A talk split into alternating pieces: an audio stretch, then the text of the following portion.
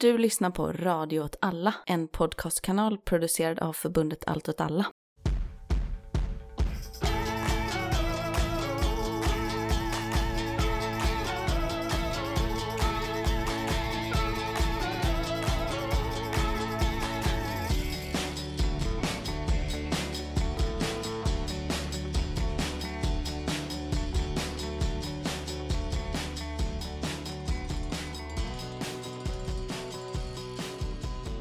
Hej välkommen till Eldrörelse Udda krig och perspektiv. med mig Martin Hansson. Och med mig Miran Andersson.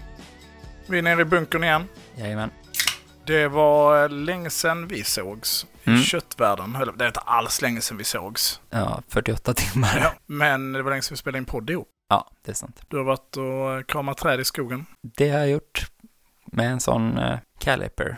Miniräknare. Nej, alltså man mäter eh, som en uh, linjal. Skjutmått heter det på svenska. Jättestora skjutmått. Jag har kramat träden så man ser hur många millimeter breda de är.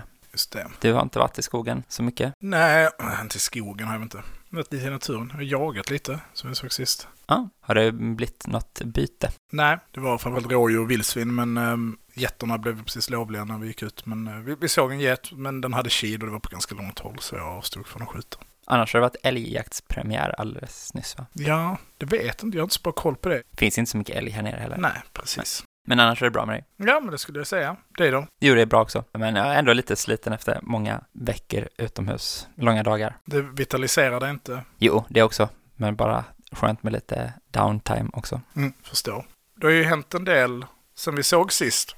Ja, precis nu, flera veckor som det har hunnit hända massa olika saker i olika delar av världen ska vi försöka gå igenom lite. Vi kan väl dra lite några av dem, för jag tänker att förra avsnittet spelades ju in i väldigt god tid i förväg. Det är nästan en och en halv vecka om jag inte missminner mig.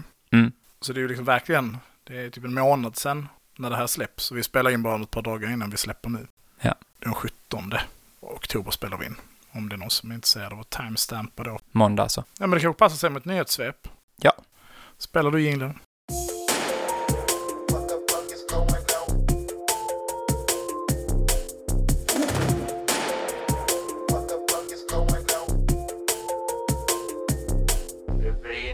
Det är en jävla trevlig jingel det där. Det är det. Vi har många bra jingelskapare. Jag kommer väl ihåg vem som har gjort vilken, vad de heter. Jo, nyhetssvepen, jingeln är gjord av Strictly Lover, Wow, Oliver Granqvist. snyggt. Och sen är klippejinglen, den är gjord av eh, Felix Wickman. Outro-jinglen och typ nästan alla gamla jinglar vi har är gjort av DJ Jonas. Just det. Han får för lite cred. Alldeles för lite cred. Big up till DJ Jonas. Och sen är introt är gjort av eh, Culture in Memorial. Ja, en riktigt fin bit. Vi är tacksamma för allt detta. Ja, nyheter. Jag tänker att Ukraina och Iran är de två sakerna som har hänt mest sen vi sågs. Just det. Var vill du börja? Ja, vi har lite Syrien också. Mm. För vi vill dra det lite snabbt. Börja där då. Okej, men det som har hänt i, i Syrien kretsar runt liksom två olika platser. Det ena är Al-Bab och det andra är området Afrin då. Båda de här ställena är ockuperade av Turkiet och turkiskt kopplade milisgrupper eller turkiskt kopplade legosoldater. Man kan ju säga om Afrin att det är en, ett område med en stor kurdisk befolkning traditionellt och det var ju en Rojava-kanton innan Turkiet gick in och tog över det liksom. Men precis. Och det verkar som att förstå liksom hur allt det här hänger ihop så är det så att Al-Hamza-divisionen i Al-Bab mördade en, jag vet inte, man ska, en, en aktivist, eller liksom så presenteras det oftast, som gick under namnet Abu Ghanom, kanske. Ja, han och hans fru blev mördad av oidentifierade gärningsmän.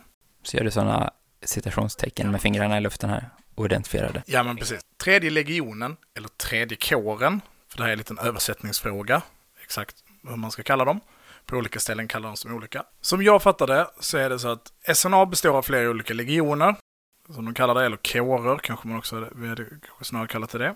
Tredje kåren kontrollerar Al-Bab. Okej, De kontrollerar också delar av Afrin. Mm. Tredje kåren fick till uppdrag efter det här mordet att utreda vad det var som hade hänt. För folk väldigt förbannade. De gjorde en utredning och kom fram till att det var Al-Hamza som hade utfört den. är Al-Hamza också en Ja, annan eh, kår Precis. inom... SNA. De, de, Ja. Jag läste någonstans att de brukar kallas för Turkiets valpar. Eller så, hånfullt liksom. Så Mm. de är också kopplade till de här strukturerna. Tredje legionen, eller kåren, räddar då deras högkvarter i Al-Bab och säger att de måste sticka från Al-Bab och i förlängningen eh, Afrin. HTS då, tidigare Al-Nusra, backar liksom Al-Hamza till det här och attackerar tredje legionen. Och därför attackerar in i Afrin. Afrin. Och det blir strider där inne. Turkiet flyttar över liksom trupper dit, men går liksom inte in och intervenerar direkt, utan det här får pågå typ ett dygn, lite mer. Men HTS var hela vägen in i staden Ja, precis. också. Ja. Så de brakade bara rakt igenom. För HTS är ju lite speciella på det sättet, för de är liksom inte officiellt sett en del av SNA, men är nära affilierat och har väl varit ganska duktiga på att spela en väldigt viktig roll i striderna mot regimen i Syrien.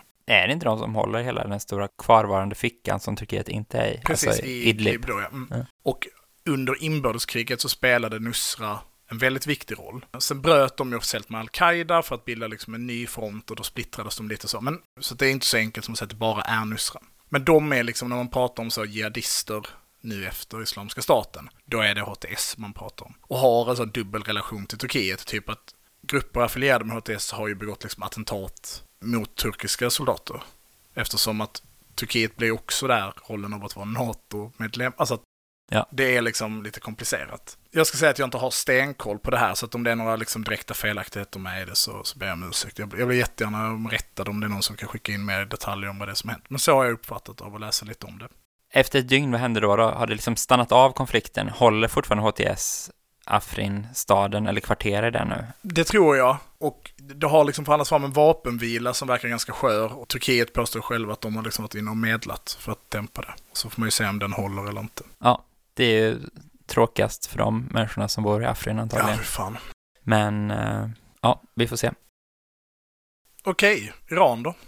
Ni har ju varit borta ganska mycket när det var som aktivast, så du kanske har bättre koll, men upproret har spridit sig och har liksom flera olika fronter på något sätt, kan man säga så? Att det både finns ett, på något sätt, kurdiskt uppror i Iran och det här generella antiregimsupproret och eh, slöjtvångsupproret mot sedlighetspolisen liksom. Och sen så har man stängt ner mycket media och det kommer bara ut ganska hemska videos på att regimtrupper och eh, säkerhetsstyrkor och så begår olika övergrepp och massakrer och sådana saker. Men det verkar ändå vara väldigt omfattande, så jag vet att du sa att du tror att regimen på något sätt måste ändå böja sig för någonting i det här. Håller du fast vid den idén? Ja, nu blir det sånt, nu kommer inte det här avsnittet handla om, om de här händelserna i Iran, vilket de kanske borde göra egentligen. Men jag bara tänker hur uppror eller storskaliga protester egentligen ter sig. Jag tänker att alla sådana här storskaliga konfrontationer mellan folket i någon bemärkelse och liksom staten skapar transformativa perioder. Liksom perioder eller skeenden som omformar hur man ser på sig själv och hur man ser på, på andra. Och man kan som stat bemöta det på lite olika sätt. Man kan ju såklart kväsa sådana här tendenser, även om de är så storskaliga som de är. Men då krävs det ju, om du ska göra det utan eftergifter, så krävs det ju liksom ett extremt våld och en ökad, liksom upptrappad repression. Och det du egentligen gör är att du skjuter ju saker på framtiden, i någon mening. För du kan ju skapa defatism såklart, att det, inte, att det är meningslöst eller att det kostar för mycket. Men repression skapar ju också ett, ett, ehm, ett hat och typer av eh, känslor som riskerar att skapa en antagonism mellan folket och staten. Och repressionen omformar eller skapar en adaptiv process hos dem man använder den mot, där man blir effektivare eller mer dold eller våldsammare för att bemöta det. Och en faktor i just Iran som jag tycker att det gör det extra känsligt är att när det är unga människor, i många fall tonåringar, som står för liksom, står i frontlinjen för konflikten, så sker det ju också en typ av processer som inte riktigt går att hejda. Massakrerar du folks barn till exempel, då liksom ingjuter man ju ett typ av hat hos människor som också gör att människor aldrig kommer att vara beredda på att kompromissa. Som en kollektiv process så skapar du massa fiender som hatar dig mer än de älskar sitt eget liv. Det ett oförlåtligt hat liksom. Ja, som, som aldrig kan kompromissa. Så då får man ju antingen fördriva människor om man förföljer dem så de flyr landet. Men risken då att du skapar en väldigt stark diaspora i ett annat land som kan tänka sig att lägga pengar eller motverka det på andra sätt, vilket ju då i sin tur göder motståndet. Eller blir de kvar och tar till vapen i landet. Eller mest troligt är att de inte accepterar liksom repressionens verkan utan trotsar, trotsar repressionen i någon mening. Vilket ju kan få uppror att, att få nästan få mer liv av repression. Sen är det inte så att alla uppror gör det här och att det alltid kommer jättetydliga eftergifter. Det kan också dröja innan de kommer, men då tänker jag bland annat på Black Lives Matters till exempel, som är svårt att säga vilka liksom direkta reformer, vilken direkt kompromiss som uppnåddes. Men det är klart att Black Lives Matter spelar en avgörande roll för hur en, antagligen en generation i USA ser på sig själv. Och ser på rasism till exempel. Ja, det är transformativt för samhällsklimatet och eh, en kollektivt självförståelse och så, liksom, även ifall det inte får direkta här och nu liksom regimförändrande Nej, och, och, och får det direkta reformer, får det direkt liksom en kompromiss att staten är beredd på att backa, då har du ju också lärt i den här kollektiva processen att det här är ett möjligt sätt att skapa förändring. Vilket ju i sin tur kan driva på och öka möjligheterna för mer förändring. Och det är ju det är här eh, olika styrelseskick är olika skickliga. Alltså att demokratier, i liksom ordets borgerliga bemärkelse, har ju förmågan att avväpna och dämpa effekterna av vissa typer av konflikter genom att leda in dem i ordnade former av, av politik. Det är ett sätt att beskriva det på. Kom här så får ni vara med och bestämma lite grann ifall ni slutar bråka. Ja, eller starta ett parti. Ja. Det är en sak, en annan fördel med demokratier är att de sällan då till exempel använder storskaligt massivt våld mot sin befolkning. Det, det händer, men det är vanligare i icke-demokratier även i en borgerlig bemärkelse. Så det kan man säga är en liten fördel. Men en annan effekt av det är att man har olika mekanismer för att dämpa hatet. Och man är också mekanismer som gör att man inte är lika bra på att skapa hat. Genom att man till exempel då inte skjuter automateld in i folksamlingar systematiskt. Men diktaturer och den typen av auktoritära system är mycket sämre på att ha de här, det finns exempel på det också, men som har de här dämpande, kanaliserande formerna av kompromiss. Iran kan ju inte vara så, utlysa nyval. Nej. Oj, tyckte vi att det här blev fel? Eller vi skapar en utredning och så får vi se vad den kommer fram till. Utan ska de kompromissa så måste de ju säga vi är rädda för er. Vårt hot, eller vår makt är baserad på massa olika saker, men en av de sakerna är vår förmåga att säga att vi faktiskt kontrollerar det här landet. Och kan någon utmana det, då är ju kejsaren naken i någon mening. Blir det inte så jättemycket om vad det faktiskt är som har hänt. Alltså de få saker, jag är ingen expert på Iran, jag är inte expert på någonting överhuvudtaget, jag är ingen expert på Iran. Det är vissa saker jag har noterat, alltså det har vi pratat om tidigare, men man kan se hur våldet, den riktigt våldsamma repressionen, bland annat ballistiska robotar och framförallt eh, drönare, vi kommer återkomma till iranska drönare senare i avsnittet, har ju angripit mål inne i Irak kopplade till eh, iranska kurder. Okej, okay, man skjuter ballistiska robotar från Iran in i Irak, det känner jag inte till. Ja, det var framförallt drönare, ska jag det har man gjort. Jag tror det var under två dagar de, de angrep mål inne i Irak, baser eller byar som är kopplade till Rojavlet, då, alltså iranska Kurdistan. En annan sak som jag tycker är viktigt att notera, och det här spekulerades tidigt om, är att jag har vid två tillfällen sett klipp kopplade till eh, till säkerhetsstyrkor som påstås visa säkerhetsstyrkor inne i Iran som pratar arabiska. Okej, okay, ja. Och det har diskuterats möjligheten att Iran skulle flyga in till exempel Hizbollah eller grupper kopplade till deras allierade, eller man ska säga de här eh, icke-statliga aktörerna som Iran är nära knuten till i, i närområdet. För, Irak framförallt kanske?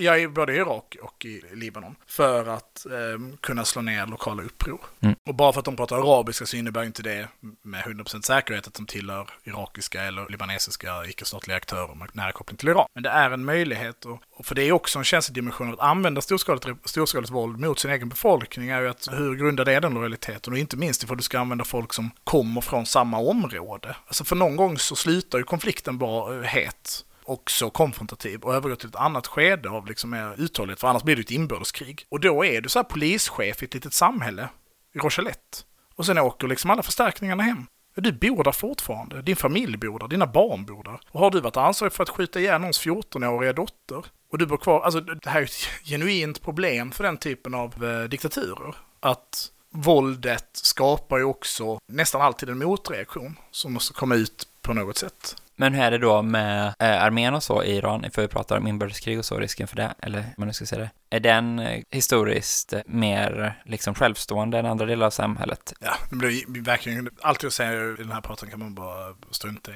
Jag vet att efter revolutionen, när eh, islamisterna tog makten i Iran, då så var det en stor sak att bland annat att flygvapnet rensades aldrig ut riktigt. Det finns ju en anledning till att man har de här Islamic Revolutionary Guards. Just det den här liksom parallella militärstrukturen som också har ett flygvapen, den har liksom markstyrkor, poliser och så vidare. För att jag tror att armén i rätt stor utsträckning har varit Sean-lojal och har liksom en annan kultur där, och bland annat fl specifikt flygvapnet, och det vet jag under Iran-Irak-kriget att det liksom var en, liksom en känslig grej och att det var lite speciellt att de var i väldigt stor utsträckning nationalister, mer än jihadister eller mer än islamister. Men att de presterade väldigt väl under Iran-Irak-kriget och iranska flygvapnet.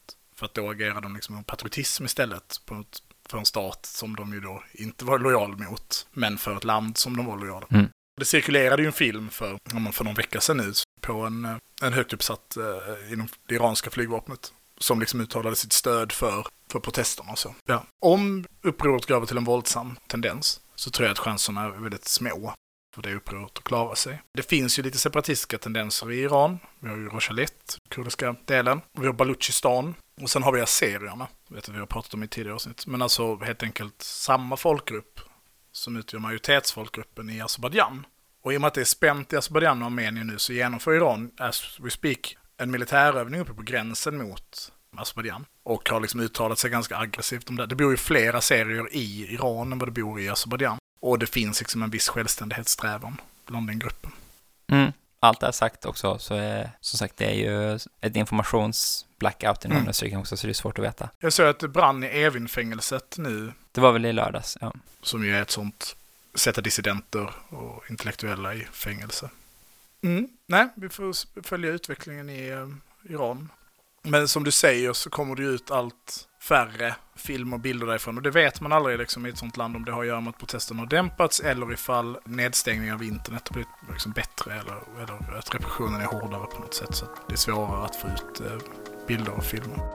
Vi borde ju också snacka om Ukraina, men eftersom eh, dagens ämne kanske berör det i någon utsträckning så gör vi det i den sektionen istället.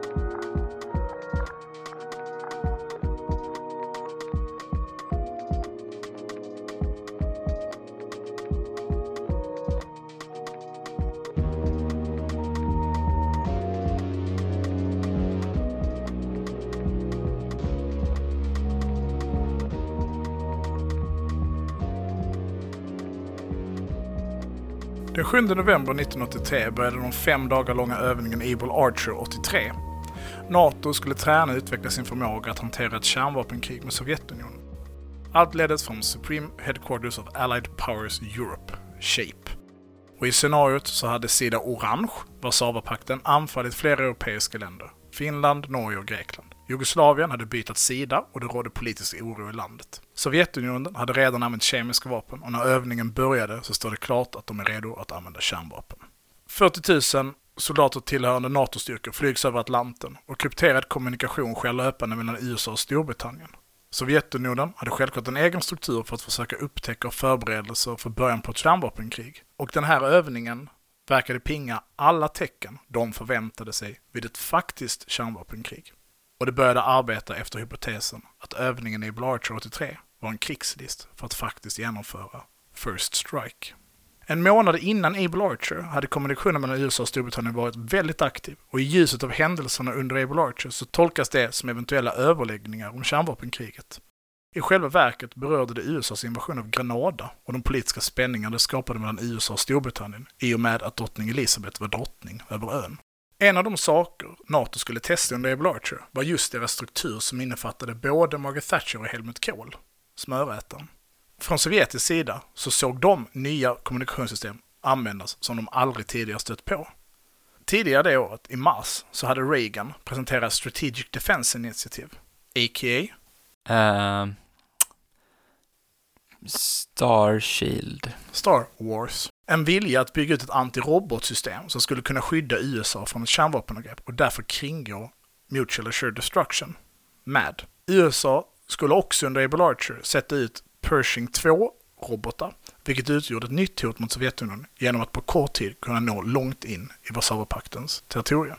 Pakten aktiverade sina strategiska bombflyg och förberedde sig på att slå först. Den sovjetiska doktrinen drog slutsatsen att den enda möjligheten att överleva ett kärnvapenkrig var att börja det.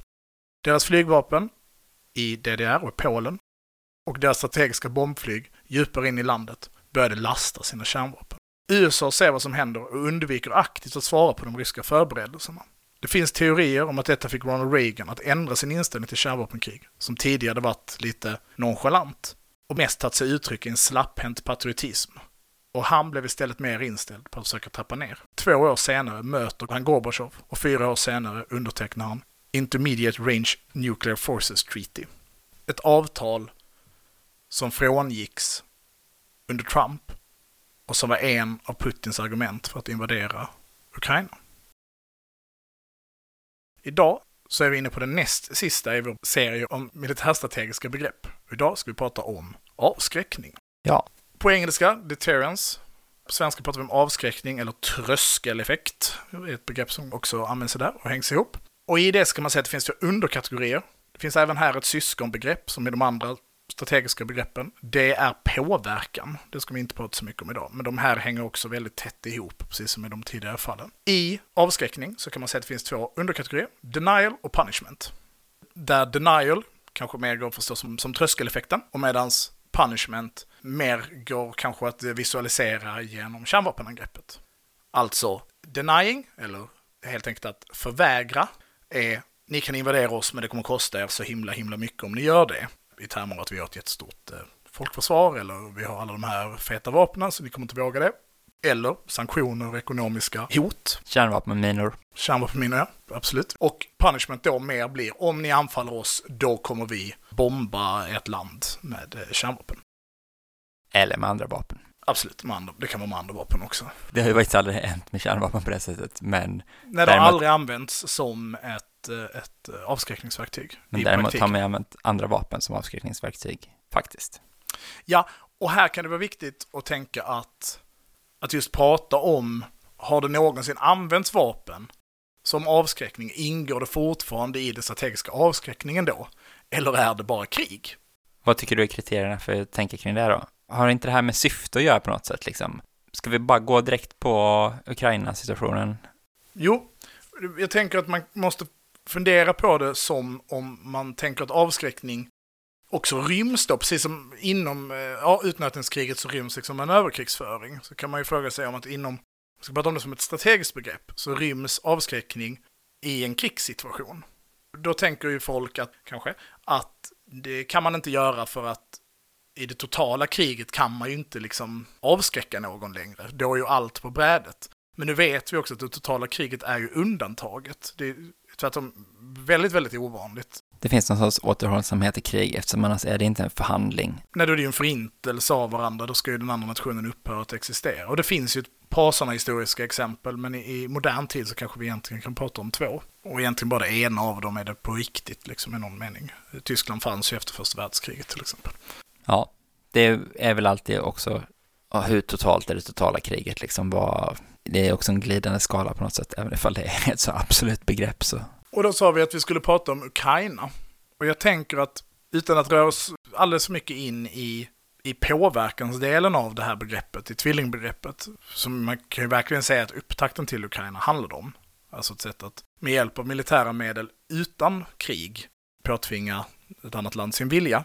Så tänker jag att vi kan prata lite om det som har hänt eh, kopplat till Kertjbron, mer känd som Krimbron. Krimbron, ja. Jag tror att den heter Kertj för att orten den går ifrån, eller till, till är det nog, heter Kertj. Heter inte också Kertjsundet, den går över? Så är det. Men det gör det säkert för att det är en ort där. Så. Ja, säkert, vi kanske båda två har rätt.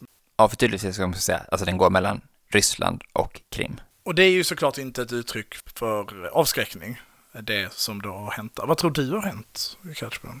Jag har inte kollat jättenoga på de olika teorier. Jag tror att det är att Ukraina har kört en obemannad båt med jättemycket sprängmedel in under bron och sen så sprängt den och då har det blåst av ett halvt vägsegment och satt eld på ett tåg typ.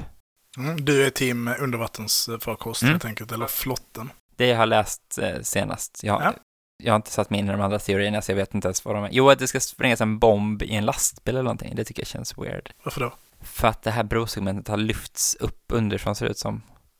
Min oerhört lekmannamässiga, man kollar på bilder, när folk har ritat pilar i paint, så köper jag det att det ser ut som att den har liksom blivit lyft. Så en sprängkraft. Jag eh, är ju en Ockhams rakhuvudkille. Jag är Tim Lastbil. Okay. Man kan säga att för lyssnarna finns det tre teorier. Undervattensteorin, eller båtteorin kanske man kan kalla det, bilteorin eller robotteorin. Robotteorin är jättekonstig för att det borde verkligen ha setts på något sätt då, ja. tycker man, på film. Jag, jag tycker att den, den utesluts för att med tanke på hur mycket filmer det finns på detonationen. Ja, så borde man sett ett föremål komma in. Så borde man sett den här eh, Akatams, jag vet inte om man säger det, roboten då som ju är teorin att eh, Ukraina egentligen har fått de här robotarna som man kan skjuta ifrån HIMARS eller M270 eller Mars 2 Då. De har fått dem och de har använt dem mot eh, Kärtsbron. Problemet med alla teorierna är att de får ju bedömas utefter filmmaterial. Och det finns ingen, det finns ingen film som är supertydlig på detonationen på sättet att man ser exakt var den kommer ifrån. Utan då är det att, precis som du säger, att det är olika pilar som ritas och här ser man ljuspunkten som börjar, den är på ett ställe som inte är rimlig. Jag utesluter undervattensteorin baserat på att det finns en film där man ser detonationen och vattnet beter sig inte särskilt konstigt när det sker. Det borde slå upp otroliga mängder vatten ifall det detonerar någonting på vattenytan helt enkelt. Den enda saken man ser som sker, det enda man ser på filmen som skulle kunna detonera en bomb av den kalibern, är den lastbil som befinner sig precis där detonationen sker. Det är en lastbil stor nog för att kunna bära en stor bomb. Ja, inte minst ifall man har tillgång till, tillgång till militärt sprängämne och inte liksom en gödselbomb, så även om man kan bygga gödselbomb. Det som talar emot den teorin är lite filmerna och att den ska också ha blivit genomsökt. Det verkar ske liksom en genomsökning av fordon när de passerar från Ryssland in i ockuperade Krim. Och robotteorin utesluter ju då för att man faktiskt aldrig ser en robot. Och hade det åkt en robot så hade det funnits film någonstans på den. Och det ligger inte i Rysslands intresse att förneka robotens existens. Det mm. skulle ligga i deras intresse för att de annars måste förklara att de inte kunde skjuta ner den. För det hade ju Putin varit ute tidigare och sagt att vi har så jävla mycket luftvärn som skyddar den här bron. Den kommer aldrig kunna bli angripen. Nej, och det också är samma sak med båtarna då, för att de skulle ha så jättemycket dykare och delfiner och all skit vad det var som skulle vakta bron. Men, mm.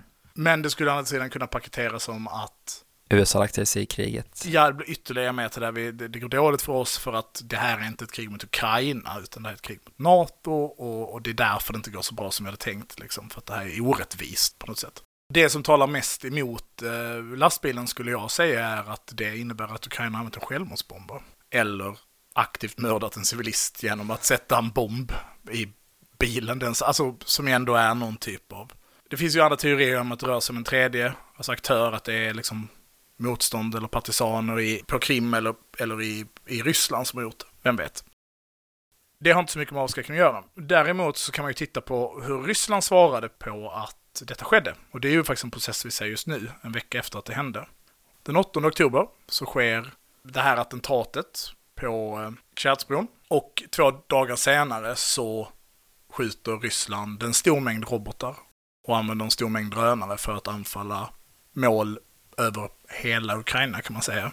Och målen om man tittar på dem är framförallt riktade mot, vad säger man, energiinfrastruktur, värmeverk, elcentraler och liknande. 14 regioner blev liksom, skedde det någon typ av angrepp. Mest intensivt var det i Kiev, men även liksom så i Lviv till exempel, vilket var ju väldigt länge sedan vi såg någon typ av angrepp. Det såg vi ju i 24 februari, såg vi ju det, precis i krigets utbrott. Eller förnyade intensitet.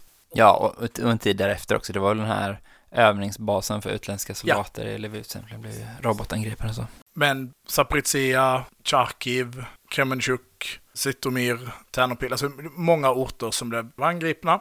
Och Putin själv sa att det var energiinfrastruktur och liksom militära ledningsplatser.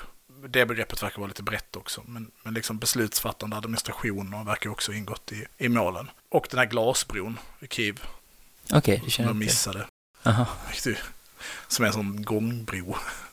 Cykel och gångbro. Det är riktigt märkligt att skjuta på. Det är konstigt att skjuta på den, symboliskt. Ni sköt en bro för oss, vi sköt en bro för er, men vi missade. Ja, vi missade den. Man kan väl ändå respektera det som är att om man ska skjuta på den bron, så blir det jättekonstigt om de skjuter liksom fem robotar på den bron. Och missar alla. Nej men då hade det varit extremt. Men istället så var man så, vi skjuter en. Och det är inte en jättestor bro, för det är ju en gång och cykelbro. Nej. Så det är inte jättekonstigt att man missar den. Nej. Men hade de liksom lagt åtta robotar bara för att verkligen träffa den, så är man så, det här är ett konstigt prioriterat mål. En sån robot, det är dyra grejer. Det, är inte... det med att symbolik kan man göra med symboliskt antal robotar också. Alltså en. Ja, ja precis, en ja. Annars hade det varit mer, oj vad ni ville spränga den här bron. Så Ett symboliskt angrepp, mm, okej. Okay. Mm effekterna var ju, det, det dog civila, det dog människor, det dog 24 stycken ungefär, åtta av dem i Kiev. Även om den siffran är liksom, kommer antagligen öka och det är lite... Många skadade som vårdas, eller? Ja, men jag har hört ungefär jämna antal skadade och döda. Ja. Ja, sen har det fortsatt också, bara nu i natt va? Ja, det har väl fortsatt varje dag, det har pågått nästan en vecka, även om skalan är betydligt, betydligt mindre.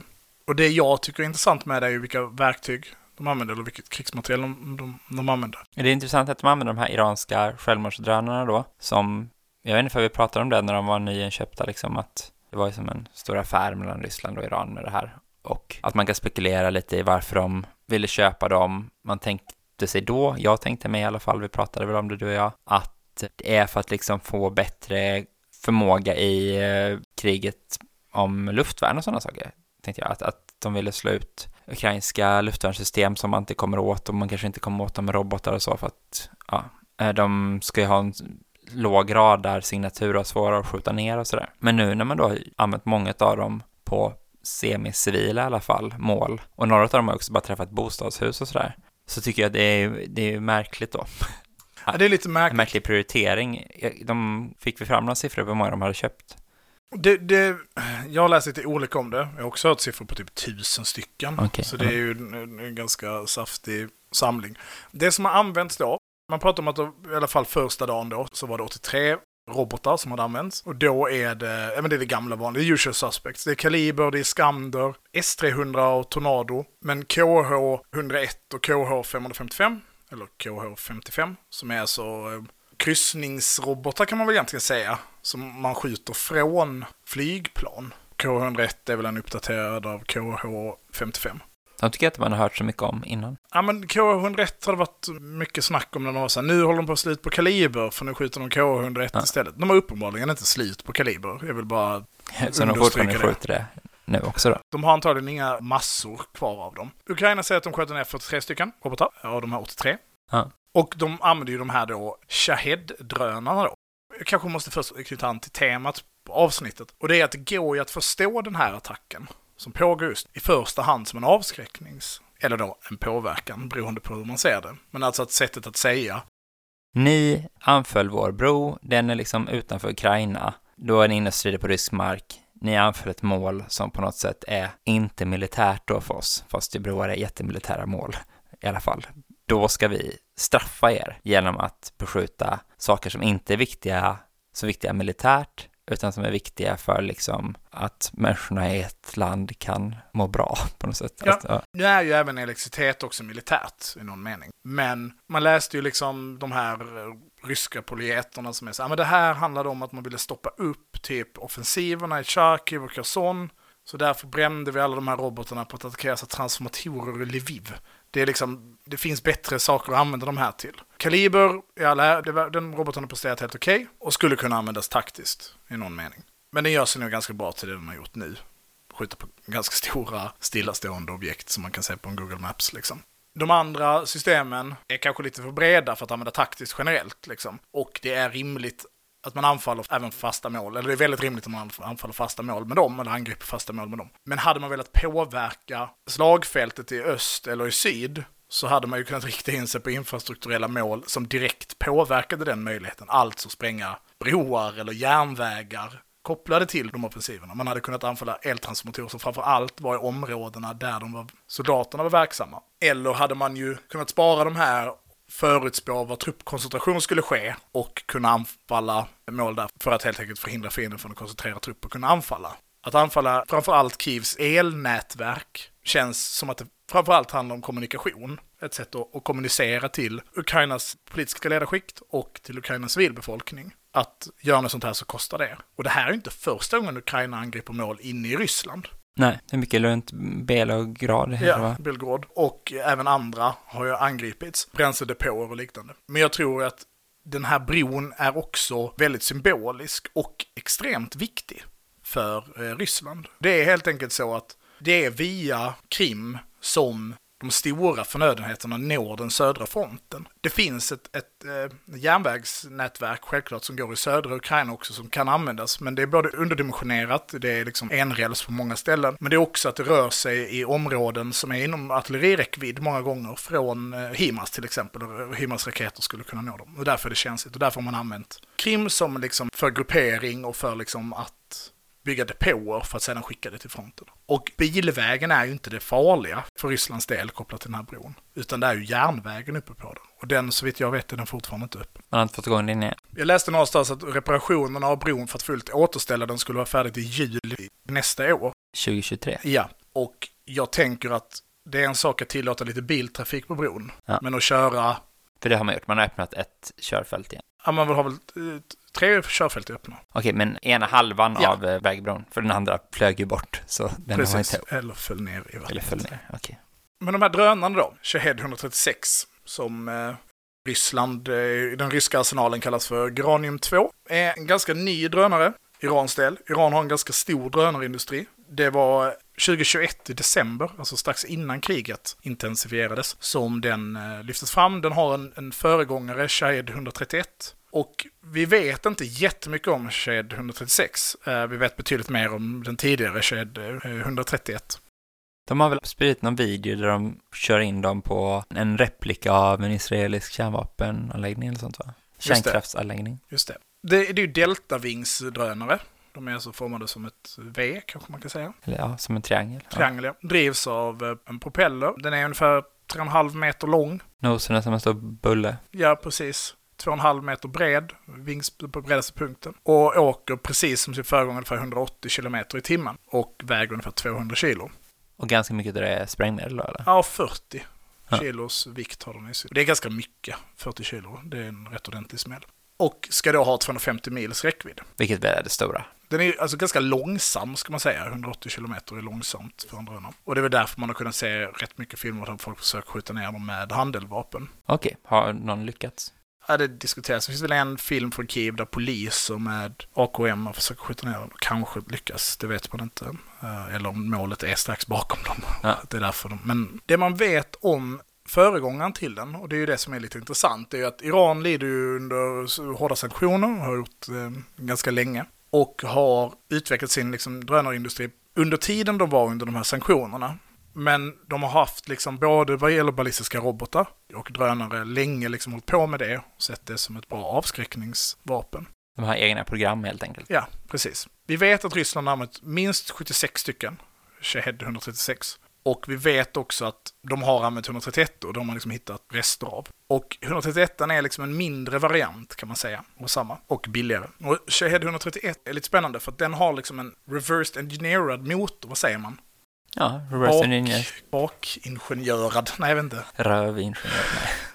Som för typ från början är så typ en Volkswagen-motor eller någonting. Som Kina gjorde liksom en egen version av. Den låter mycket, ukrainarna kallar den för mopeden. Och är ju då relativt långsam. Det som är spännande när man kunnat plocka isär dem är att man kan se att precis som nästan alla andra delar i den så är den byggd av civila delar. Ja. Och styrsystemet i Shahed 131. Det är PS 3? Det är en GPS-styrenhet.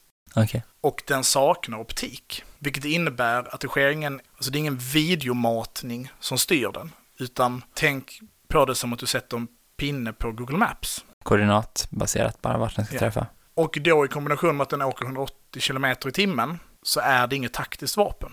För du kan inte sluta några luftvärn. Om du är så här, vi ska skjuta dem och så vet vi att de kommer vara där i fem timmar innan mm. vi kommer fram för att Nej. träffa dem. Liksom, det, du kan inte skicka upp dem det, det här kan du såklart göra ifall du kombinerar det med andra drönare, som en övervakning eller har trupper som spanar kan du säga. Fast nu vet vi att det är ett, vi har skickat upp dem, de ligger och cirklar och nu Mm. säger vi, ger dem koordinaterna och dyker ner. Men det är ju en annan typ av För man kan ändå ändra koordinater under tiden de flyger. Ja, du har eh, kontakt med dem. De är Ja. alltså inte en robot. För Nej. det hade de ju varit i så fall. Ja, en jättelångsam Igen, propellerrobot. precis. Men då hade ni varit som en kryssningsrobot. Ja. Ifall du sa liksom, ja men, Ja, fast med propeller.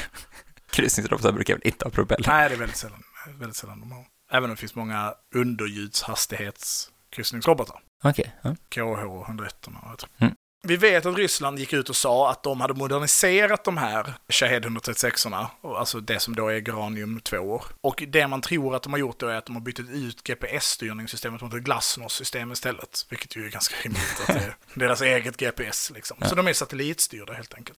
Och de har förmågan att fortsätta verka även om de tappar kontakt med satelliterna. Men då fortsätter de med ett internt styrningssystem mot punkten. Det de senaste ska. satta målet. Ja. och det gör att de kan ju ha ganska låg träffsäkerhet då. För att om det till exempel är kraftig vind så fördröjer det ju tiden den beräknade skulle ta att komma fram. Liksom. Den beräknar nog ingenting, men du förstår liksom processen. Men som sagt, Irans drönarprogram är väldigt gammalt. Det har liksom Hizbollah har använt iranska drönare 20 år. Liksom. Det är den typen av tidsrymd. Och det som är spännande är att idag så kom det ut att Ryssland hade eventuellt slutit ett avtal med Iran för att köpa Fateh 110 och Solfakar eh, robotar.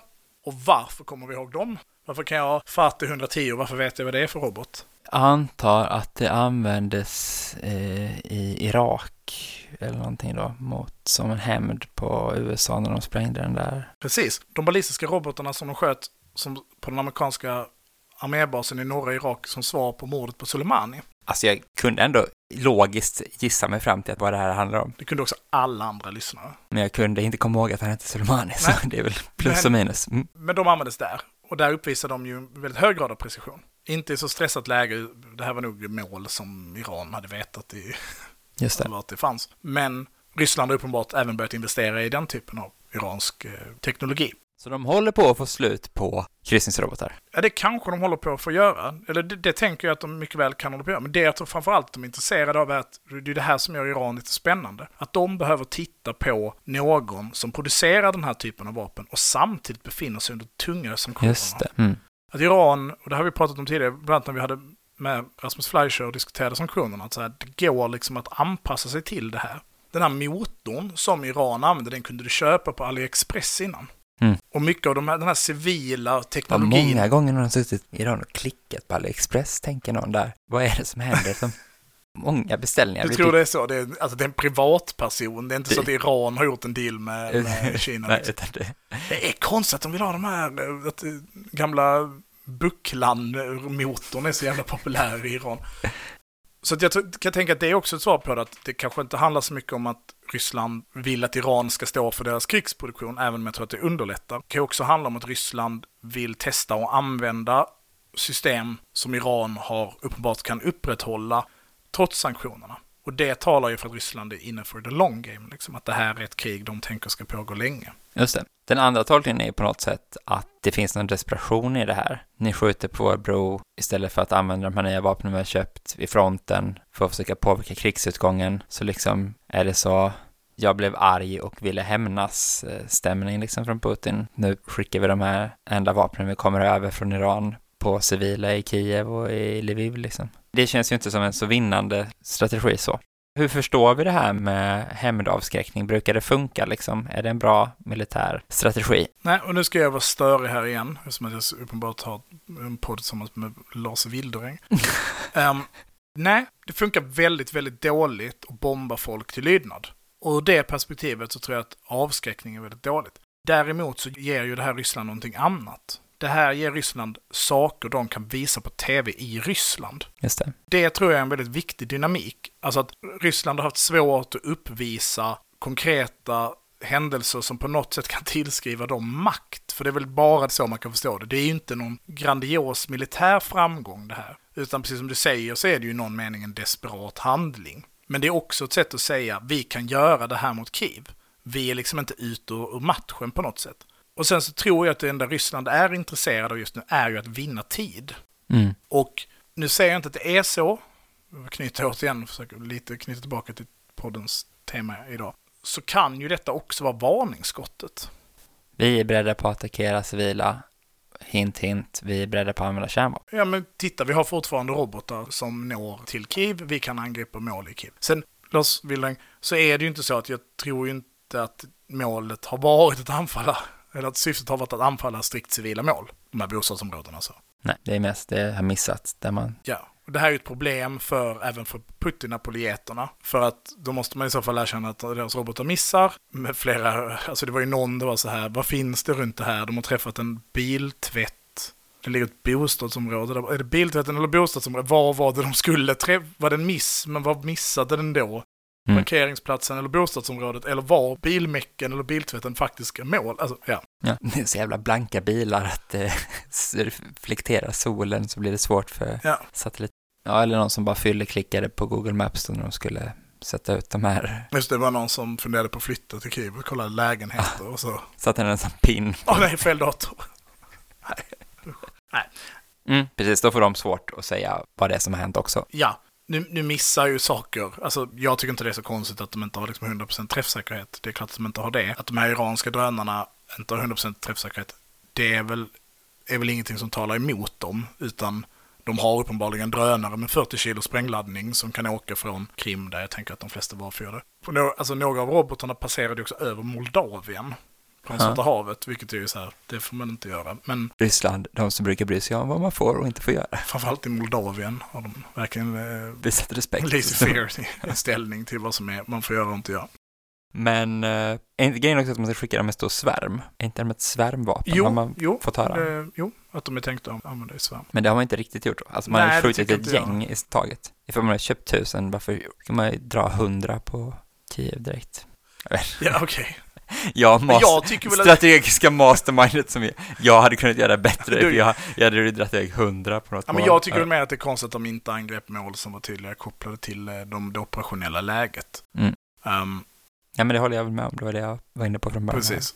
Sen ska sägas att det inte bara, alltså om vi ska vidare in i drönare och helt bort från temat, och temat blir med drönare och avskräckning, så har vi ju att vi har sett Lancet, eh, drönarna var uppe nu också, den ryska självmordsdrönaren, som har optik och så, som är lite mer high-tech, har använts mot i alla fall två stycken luftvärnssystem, varav två stycken är avfyrningsramper för S-300P, alltså ett ganska dyrt Ryskt system som Ja. Ukraina har. Ja, precis. Träffar det, de? det såg ut, ja, det, det var filmen och döma så träffar de. Man får se klippet därifrån en annan drönare som tittar liksom. För, för så går det ju att kombinera de här, som jag sa tidigare, att du kan ju kombinera de här spaningsdrönare och då kan ju, Lanceten styrs som du tänker dig, men man hade kunnat ha en Xbox-kontroll och flyga Mm. in den liksom. Men just den här kombinationen av att, att ha spaningsdrönare för att korrigera var du ska träffa någonstans, det är ju en möjlighet. Och det för mig lite in på en annan fundering då.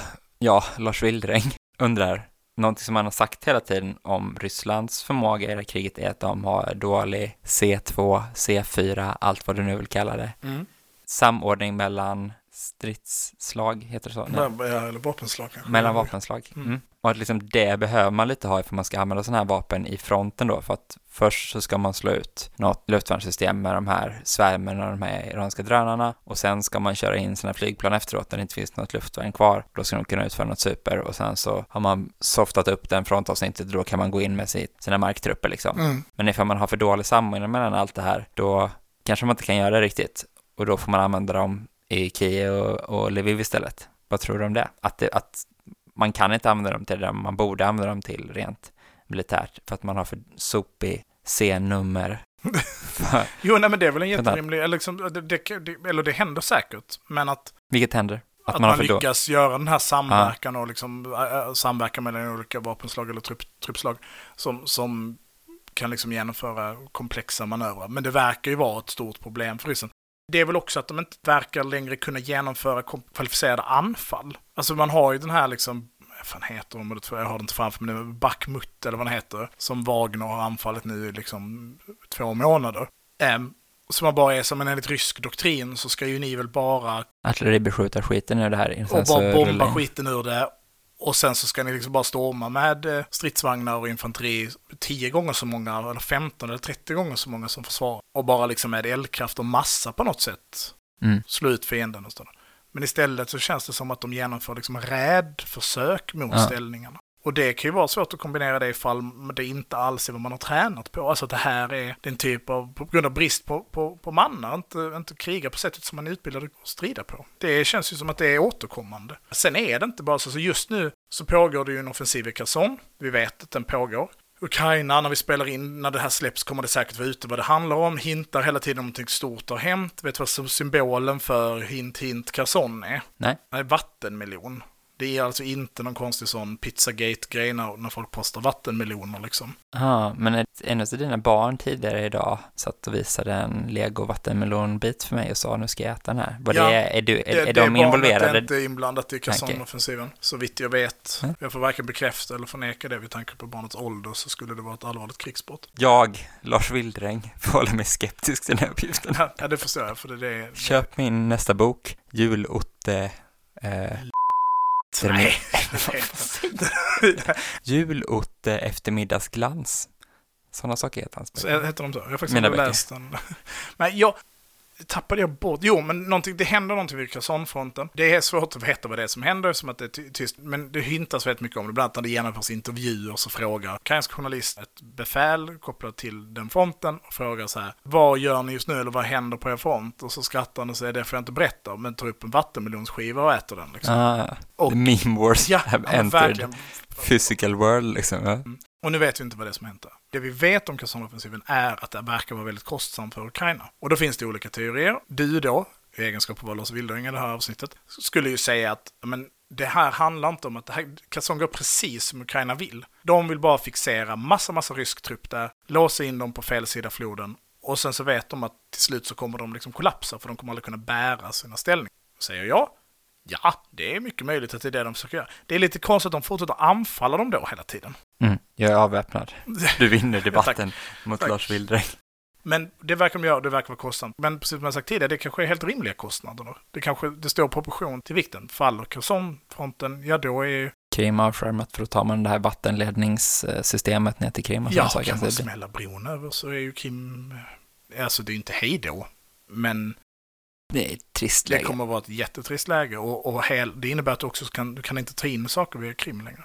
Till hela den södra fronten utan du får leda in det på andra håll. Med alla de problem det innebär. Om vi då ska avsluta det här så kanske det är rimligt att prata då om avskräckning. Och vi vet ju att jag är försiktig med att prata om kärnvapen och risken med kärnvapen. För att det är, det är någonting som gör folk jätterädda och oroliga och stressade eftersom att det då potentiellt skulle döda allt mänskligt liv på jorden. Nej, det kan det inte göra Varför inte biolog.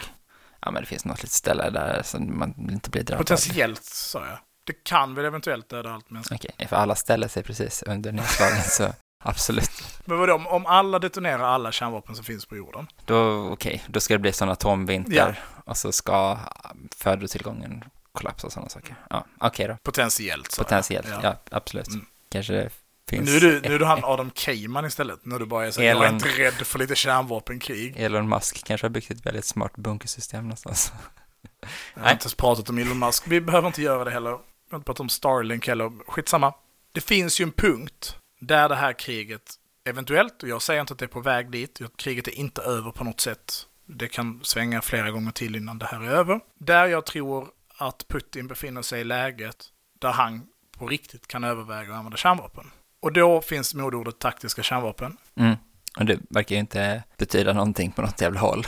Taktiska kärnvapen är ett begrepp för att beskriva räckvidden på kärnvapen. Det är det, liksom, det taktiska dimensionen i det. Ett strategiskt kärnvapen kan du använda för att Sovjet ska kunna, då när begreppet var stort, idag Ryssland, ska kunna angripa USA eller Paris. Då är det ett strategiskt kärnvapen, enligt rysk definition av vad taktiskt strategiskt kärnvapen är.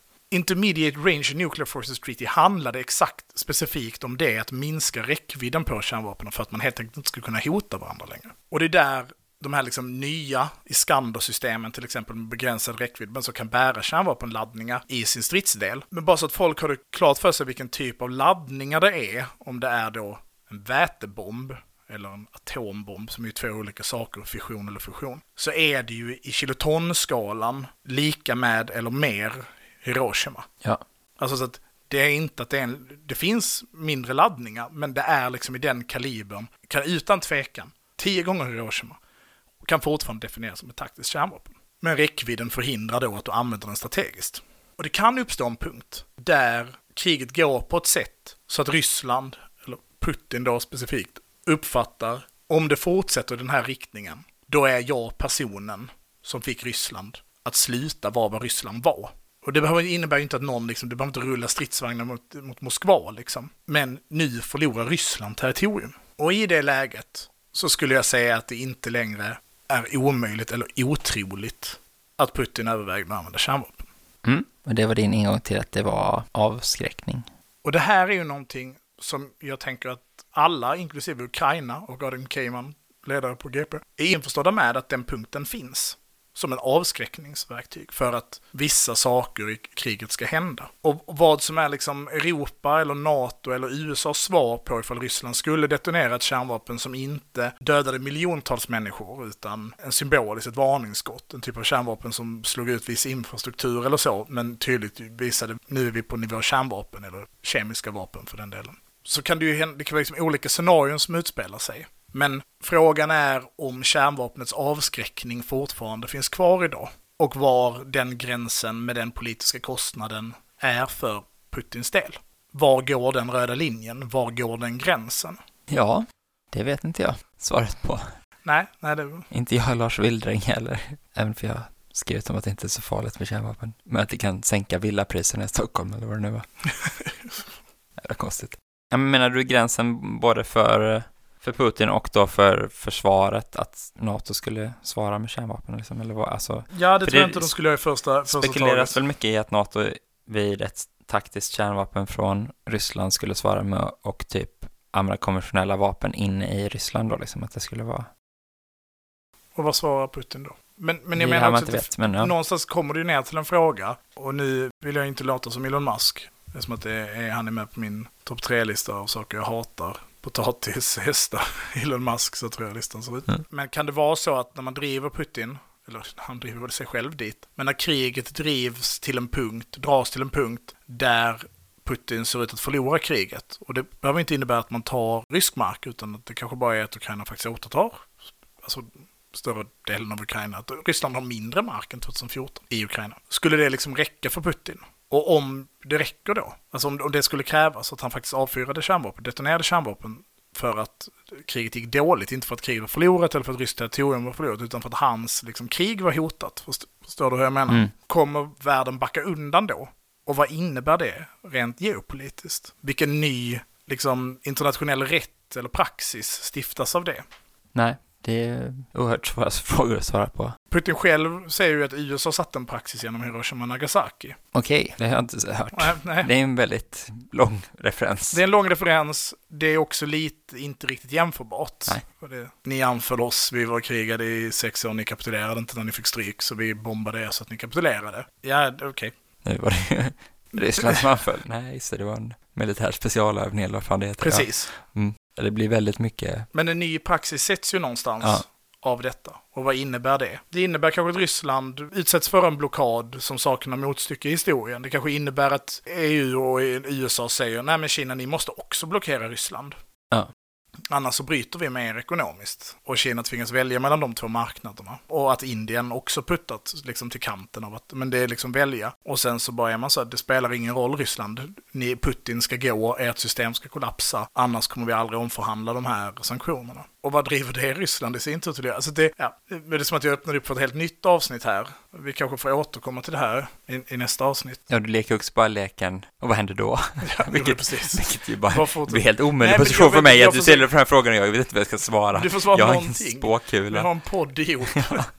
Ja men vad, vad händer när rymden tar slut? Svara på det du då. Vad fan, du har väl inte svar på alla frågor du heller? Nej såklart, så det, alternativet är blir på något sätt så här, då får den skurkstat som har kärnvapen göra vad den vill. Det får man lägga sig platt när Putin väl använder kärnvapen. Du Det är menar ju USA? också en helt orimlig ordning. Det är väl inte hotet av kärnvapen som gör att USA Nej, är en skurkstat som beter sig hur de vill, utan det är väl, de klarar det väl helt bra med helt konventionella vapen.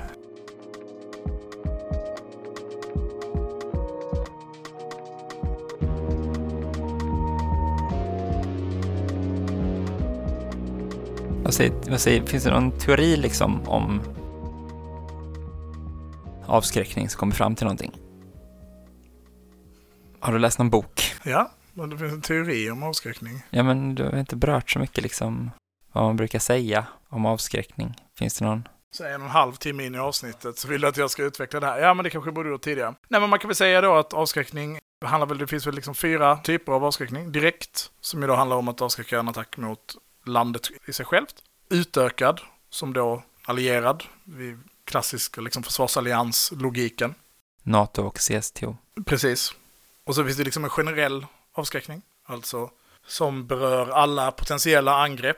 Så tröskeleffekten. Oavsett vem det är som ger sig på oss så kommer det kosta det här. Eller då mer specifik. I den här specifika hotet, den här specifika konflikten. Vilket ju då, alla de sakerna kräver ju olika saker, olika typer av verktyg. I den liksom direkta, kopplat till det egna landet och generella, då är ju att ha en försvarsmakt, eller kärnvapen för den delen, med kortdistansrobotar, taktiska kärnvapen, är ju helt inom ramen för det. Medan den utökade kräver ju då till exempel eh, flotta eller stort flygvapen och andras förmågan att transportera trupper dit eller till liksom landet och öppna ny front. Ja, det kan ju också kräva bara gräns till det landet det eventuellt berör som hotet är. Pakistan och Indien är väl liksom det typiska exemplet på direkt avskräckning. Alltså där deras liksom, krigsmakter till stor del handlar om att avskräcka den andra parten. Liksom, man har en underförstådd konflikt och stor del av kalla kriget är väldigt tydlig på det sättet att liksom, vi skapar ett system för att avskräcka er. Det är, liksom, Ja. det är ni som är mottagaren för bilder på våra militärparader handlar om att ni ska fatta att man inte ska jävlas med oss. Militärparaden i sig kan jag ju förstå som någon typ av avskräckning, maktuppvisning. Kan ju nämna det att just nu så har ju, idag till och med, så påbörjas ju Steadfast Noon, som ju är den här stora NATO-kärnvapenövningen i Europa. Som Abel Archer, fast... Ja, precis. Man ska öva på sina, så att använda kärnvapen. Och alla de övningarna är ju riktade mot Ryssland och är liksom en direkt uppvisning. Eller det är liksom en extended, utökad avskräckning fast mot ett direkt hot. Det här är riktat mot er och det har varit det hela tiden. Alla de här, Able Archer var liksom ingen fråga. Utan det var ju uttalat vem det handlade om. Och där, i detta så kan man väl prata om fredsbevarande trupp. Det finns ju också i avskräckningens liksom, logik. Vi står här, den som skjuter på den andra skjuter vi på. Ja. Den demilitariserade zonen, Korea, är också någon typ av avskräcknings... Barriär, liksom. Ja, och avskräckning fungerar ju väldigt sällan. Eller det är lite svårt att mäta avskräckning eftersom att vi vet bara när det inte funkar. Man kan ju komma ihåg att både Frankrike och England hade ju en utökad avskräckning gentemot Tyskland kopplat till Polen 39. Mm. Det avskräckte inte Tyskland från Nej. att invadera liksom. Nej, men det måste kanske vara, det handlar inte också om att det måste vara en avskräckning som då är trovärdig på en kostsam skala liksom. Alltså, det är väl svårt att mäta funktionaliteten i avskräckning som koncept genom att ta dåliga exempel på avskräckning också på något sätt. Ett litet land säger till ett stort, ifall ni anfaller oss så kommer vi faktiskt eh, skjuta en av era soldater. Det är klart att det inte funkar, för att det är en kostnad man är villig att ta. Men det betyder inte att avskräckning som koncept är dåligt. För att ifall ett stort land säger till ett litet land, anfaller ni oss så kommer vi förinta er som land, då kanske det oftare funkar. Ja, men samtidigt så bärs ju det här någonstans av att världen inte är dataspel också. Vilket ju gör att de här avskräckningsverktygen, precis som du pratar om i proportion, men också har ju kopplat till moral på något sätt. Mao pratar ibland, du känner till det här citatet om att Det är bra med att vi blir Ja, kärnvapenbombare. men det här med att, att, att det var liksom en papperstiger. Mm. För att det är liksom så här, men, ja, men de kärnvapenbombade ju inte Nordvietnam. Nej. Alltså liksom, men kärnvapenbombar oss då, om det är det ni hotar med hela tiden. Alltså det finns ju också en gräns där, så här, men ni har det här vapnet, ni är inte beredda på att ta de riktiga kostnaderna, alltså gå in i kriget och vara med fullskaligt. I det konventionella kriget så kommer det kosta er massa. Men ni har det här supervapnet du kan använda och bara döda jättemånga människor på ett tag. Men den positionen blir också omänsklig. Ni kan inte bara döda 10 miljoner kineser för att ni inte får ha en hamn här. Eller liksom, och världen är ju inte ett dataspel som att bara, men det här är det bästa strategiska för USA att göra, nu klick. Utan de processerna det skapar kan ju många gånger vara mycket kostsammare än vad rent militära, effekten av att avskräckningen inte fungerar. Alltså, och det är väl här då hela den här limited warfare, alltså de små krigen, att ett annat sätt att kriga på som inte är totalt och inte är en kraftmätning, utan det då istället tar sig uttryck i proxykonflikter mellan Sovjet och USA till exempel. Så det kanske inte hade en dämpande effekt på sättet att det blev mindre krig, utan det blev kanske bara andra typer av krig, som då båda länderna kunde låtsas inte passera den här för att ingen av länderna ville starta det totala kärnvapenkriget. det gäller bara starta det totala kriget utan Nej. kärnvapen. Nej. Om Ryssland hade sagt så, fan ni ger ju vapen till Mujahedinsarna i Afghanistan, nu är vi ju i krig. Ja. Eller Ryssland nu säger, men ni stöttar ju Na- Ukraina, så nu befinner vi oss de facto i krig, så nu ska vi börja skicka ut ubåtar och sänka amerikanska handelsfartyget i Atlanten. Det hade de ju kunnat säga. Ja, och USA hade absolut kunnat säga, det är sagt att inte ni får anfalla Ukraina. Nu kör vi. Ja, men det finns ju en anledning till att det inte händer liksom. Och det går inte att förklara på något annat sätt än att det handlar om någon typ av, inte, etik och moral kanske är fel begrepp, men beredd på att ta de faktiska konsekvenserna av det agerandet. Här behöver vi avrunda. Det Vi fick vi jag. prata lite avskräckning här på slutet. Ja. Det verkar som att ni kommer få ett långt, saftigt avsnitt, ni lyssnar också. Ja, en timme och 40 minuter är vi uppe i nu. Kan jag klippa ner till en timme och en kvart säkert. Man kan följa oss på sociala medier. Det heter jag Torkan1337 på Twitter. Du heter @slukhål. Man kan följa oss på Facebook. Där heter vi eld Man kan följa oss på Instagram. Där heter vi eld.och.rorelse. Snyggt. Köp våra t-shirts. Jag har inte pratat om valet, och inte att de har bildat regering. Fan, vi har så jävla mycket. Ulf Kristersson blev alltså vald till statsminister idag. Ja. Men vad ska, vi, vad ska vi säga om det? Nej, vi hade kunnat prata om det. Det är väl också något nyhet som har hänt. Jo, det är försvars och bla bla bla. Det är bara piss alltsammans. Nej, jag tänkte vi kunde prata generell politik. Skitsamma. Vi har fler avsnitt att spela in. Förhoppningsvis syns vi här nästa, näst, nästa vi kommer spela in vecka. igen. Det Ja, du försöker. ja. Vi kommer förhoppningsvis spela in igen, om vi inte är döda. Vi börjar närma oss avsnitt 100. Lägger vi ner då, eller hur gör vi? Vi levlar upp då. Då levlar vi upp. Ja. Då är det Onlyfans. Tack så jättemycket för att ni har lyssnat. Tack och hej. Ha det fint. Hej då. Hej då. Hej då.